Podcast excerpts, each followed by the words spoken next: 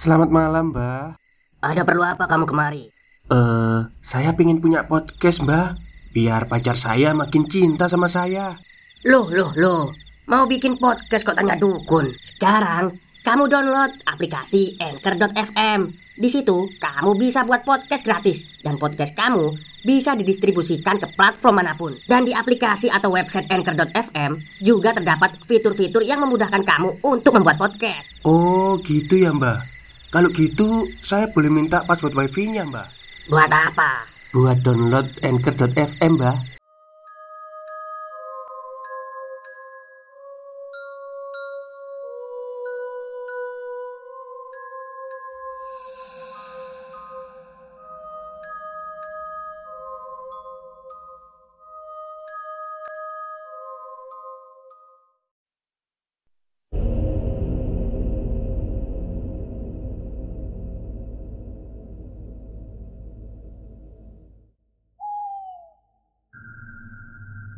Assalamualaikum warahmatullahi wabarakatuh. Halo semuanya Jumpa lagi dengan saya Chow Sing Sing Kurator dari podcast Horror Night Story. Halo apa kabar semuanya? Semoga kalian semua baik-baik saja ya. Dan seperti biasanya pada siang hari ini saya kembali Dan akan menghadirkan sebuah kisah mistis untuk kalian semua Kisah mistis kali ini saya datangkan dari tweet Twitternya Mas Patrick.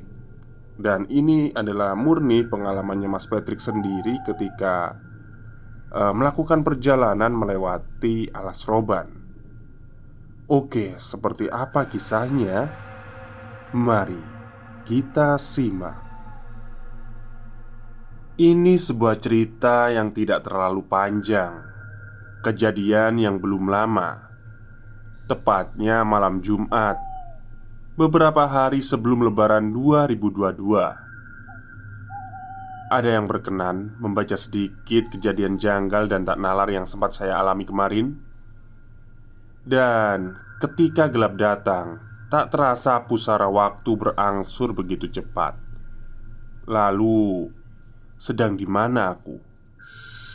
Sayup suara gending beriringan dalam gelapnya malam Sarto roti. Roti. Sarto roti. Suara penjual roti dengan pengeras suara Memecah keheningan di sebuah alun-alun kota Bengawan. Hari Kamis. Hari di mana masih banyak pengemis. Kulihat berlalu lalang mencari uang di bulan yang suci ini Gema adzan pun terdengar dari tempat aku duduk di pinggir gerbong kereta tua. Kereta yang dulu digunakan sebagai akomodasi untuk mengangkut jenazah orang terpenting di kota ini. Aku beranjak untuk ke tempat dekat alun-alun selatan kota Bengawan.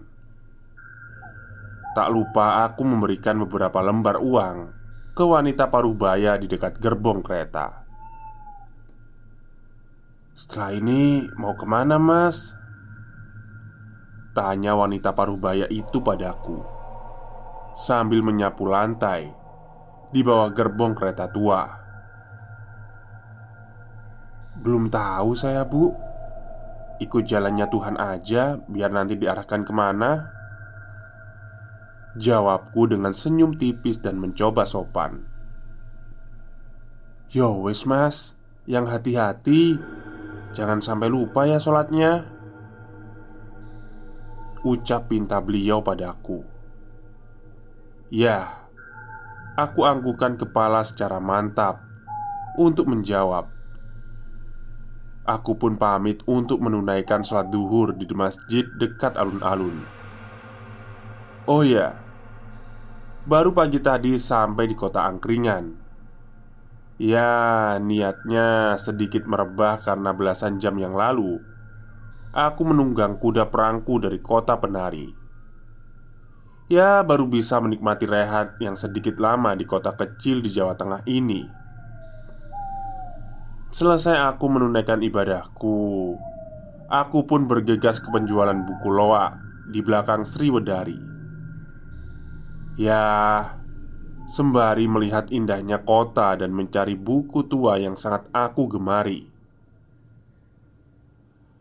Selesai aku melihat buku-buku lama di pasar loa, aku menuju ke pasar barang antik. Sampai aku berpikir, kota ini memang surga bagi para pecinta barang antik. Namun, tiba-tiba telepon berdering. Bro, ke sini ya.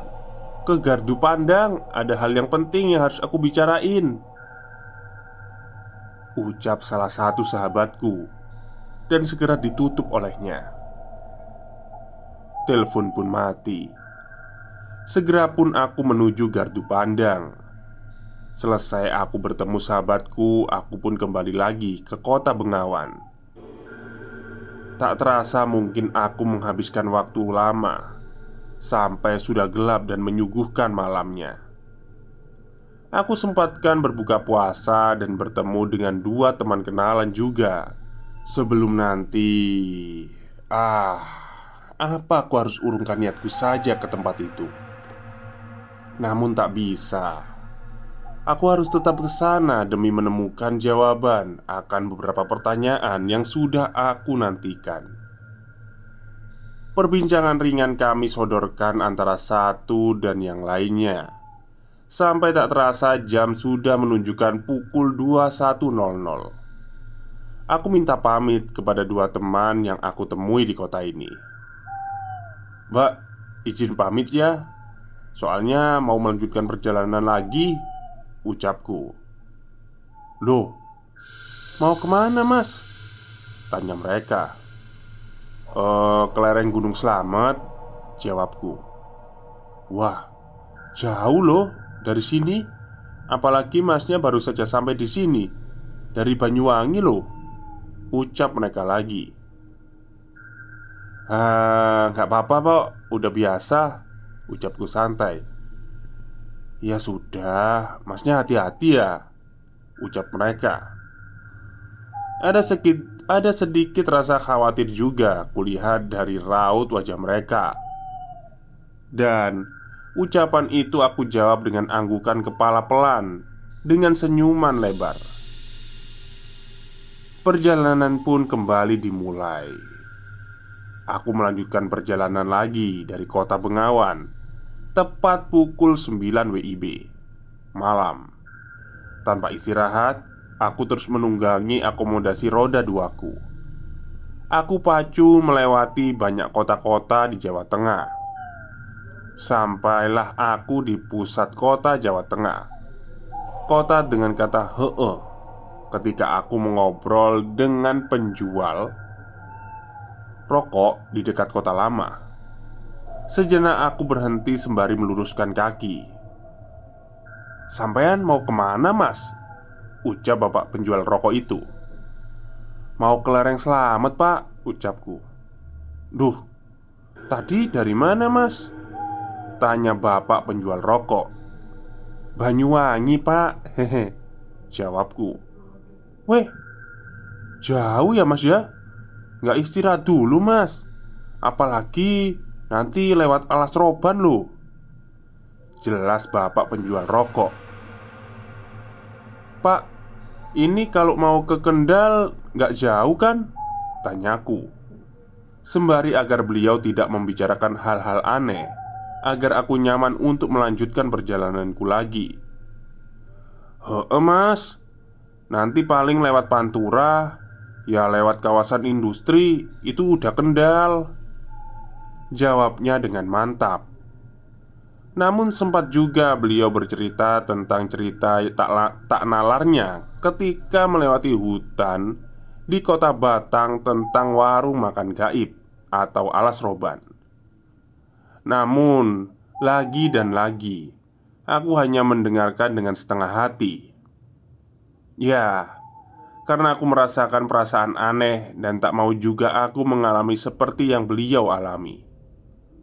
Aku pun segera meminta izin pamit untuk melanjutkan perjalanan Non sewu pak, saya izin lanjut perjalanan lagi ya Ucapku pada beliau. Heeh mas. Sing hati-hati lo yo Ucapnya. Dan kuanggukan kepalaku tanda, tanda mengiyakan pesan beliau. Jam sudah menunjukkan pukul 23.00 dan kupancal sepeda motorku Untuk melewati satu kota lagi. Dan pasti akan setelah itu melewati alas roban Suara truk-truk dengan beraneka ragam plat daerah berjajaran di depanku. Motorku yang terkesan motor tua, namun tetap bisa mendahuluinya dengan tarikan gas yang tak berarti. Sampai aku belok ke kiri karena jalan yang sepi dan mungkin bisa menyingkat perjalanan menghindari kemacetan. Kurasakan lapar tanpa sadar Aku tak sadar sudah berada di tempat yang sepi Dengan kontur jalan yang tak mulus. Ya, jalan yang tak mulus Seperti mulut para politikus. Perutku kurasa tak mampu menahan lagi rasa lapar.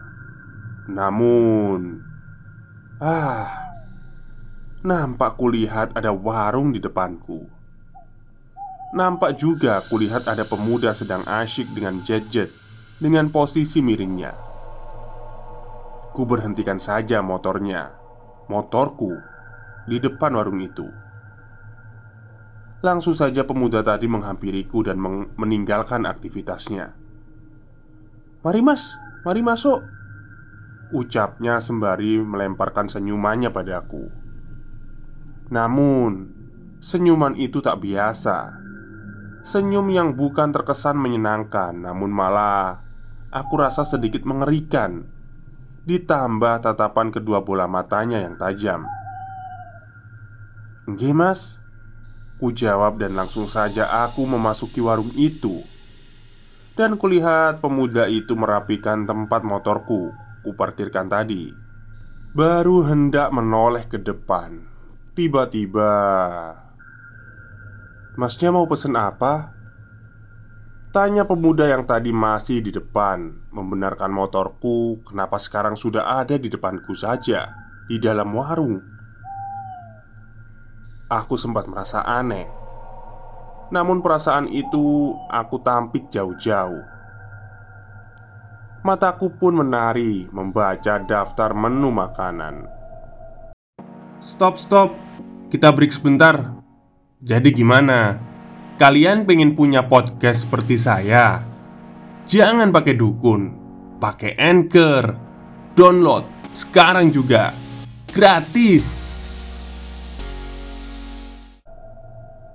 Bebek gorengnya aja mas satu Terus minumnya teh anget ya Jawabku dan langsung saja disambar ucapan pemuda itu lagi dengan ucapan Ditunggu ya mas Ucapnya menunggu ke belakang. Menuju ke belakang dan nampak kulihat Ia berbisik kepada wanita yang lebih tua darinya. Nampak pula kulirik sedikit tatapan wanita di belakang itu cukup menyeramkan. Karena tak henti-hentinya wanita itu menatapku.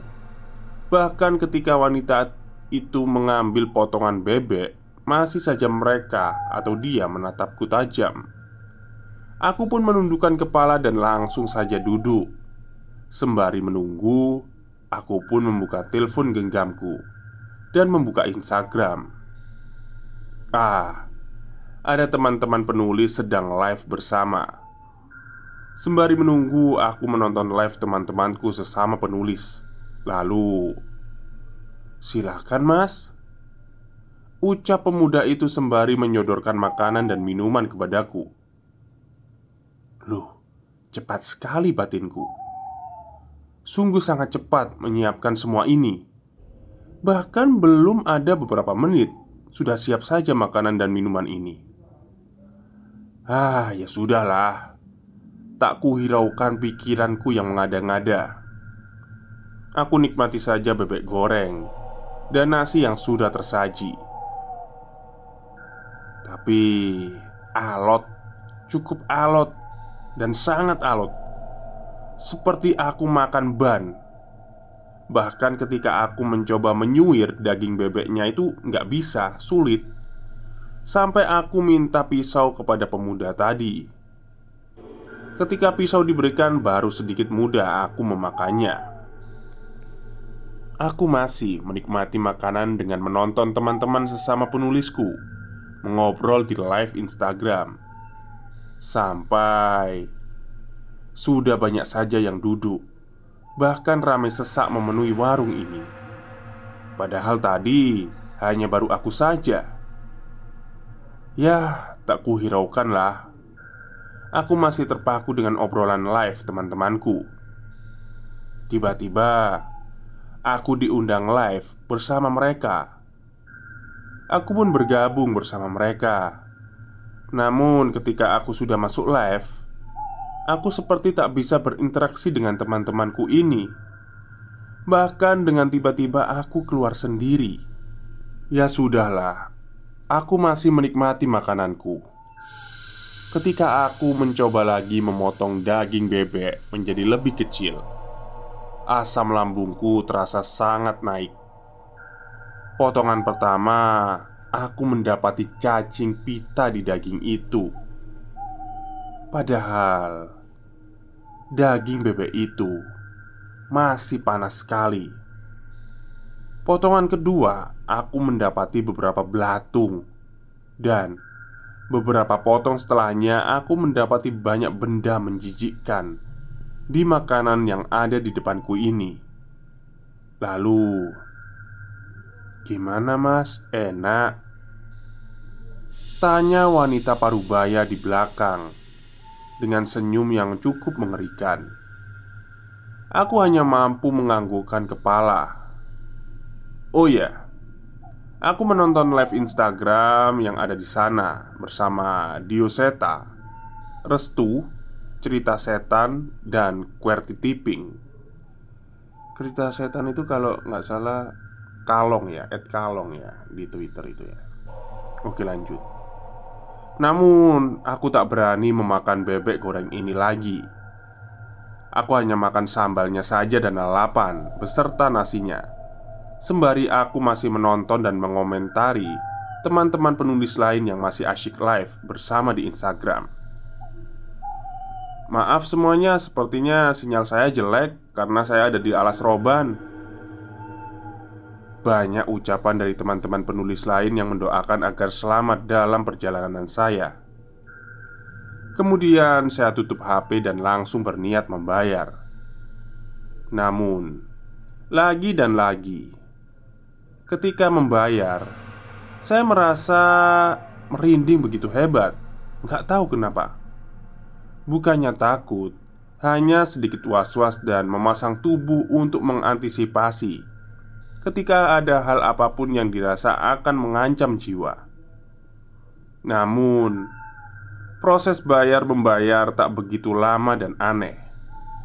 Hanya saja wanita di belakang yang memasak masakan itu tak henti-hentinya mencium uang yang aku bayarkan kepadanya.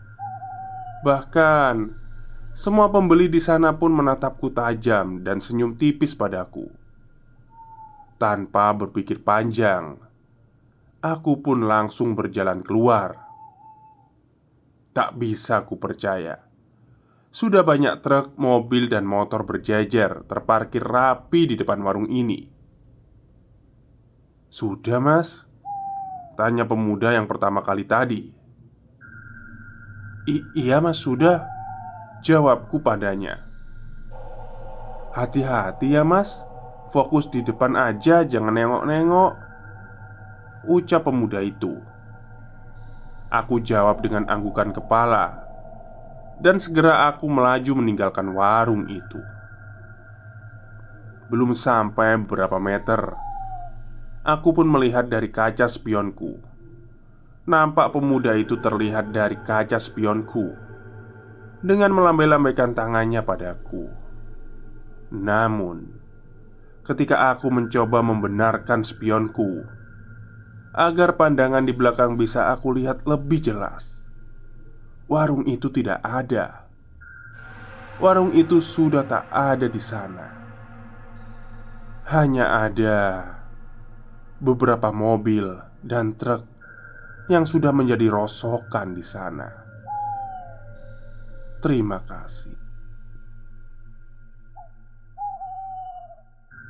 Baik, itulah cerita pendek dari pengalaman langsung ya dari pengalamannya Mas Patrick ketika beliau melewati alas roban dan bertemu dengan warung yang tak kasat mata.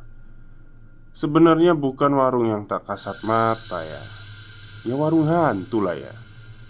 Jadi ternyata eh, ketika Mas Patrick melihat ke belakang setelah makan di warung itu itu ternyata di sana itu banyak bangkai kayak truk, mobil, sepeda motor. Jadi ya udah ya kayak kuburan kendaraan gitu di situ. Ya mungkin yang makan di situ itu mungkin ya. Yang meninggal-meninggal gitu. Oke, mungkin itu saja cerita untuk siang hari ini. Semoga Anda suka. Selamat siang dan selamat berakhir pekan.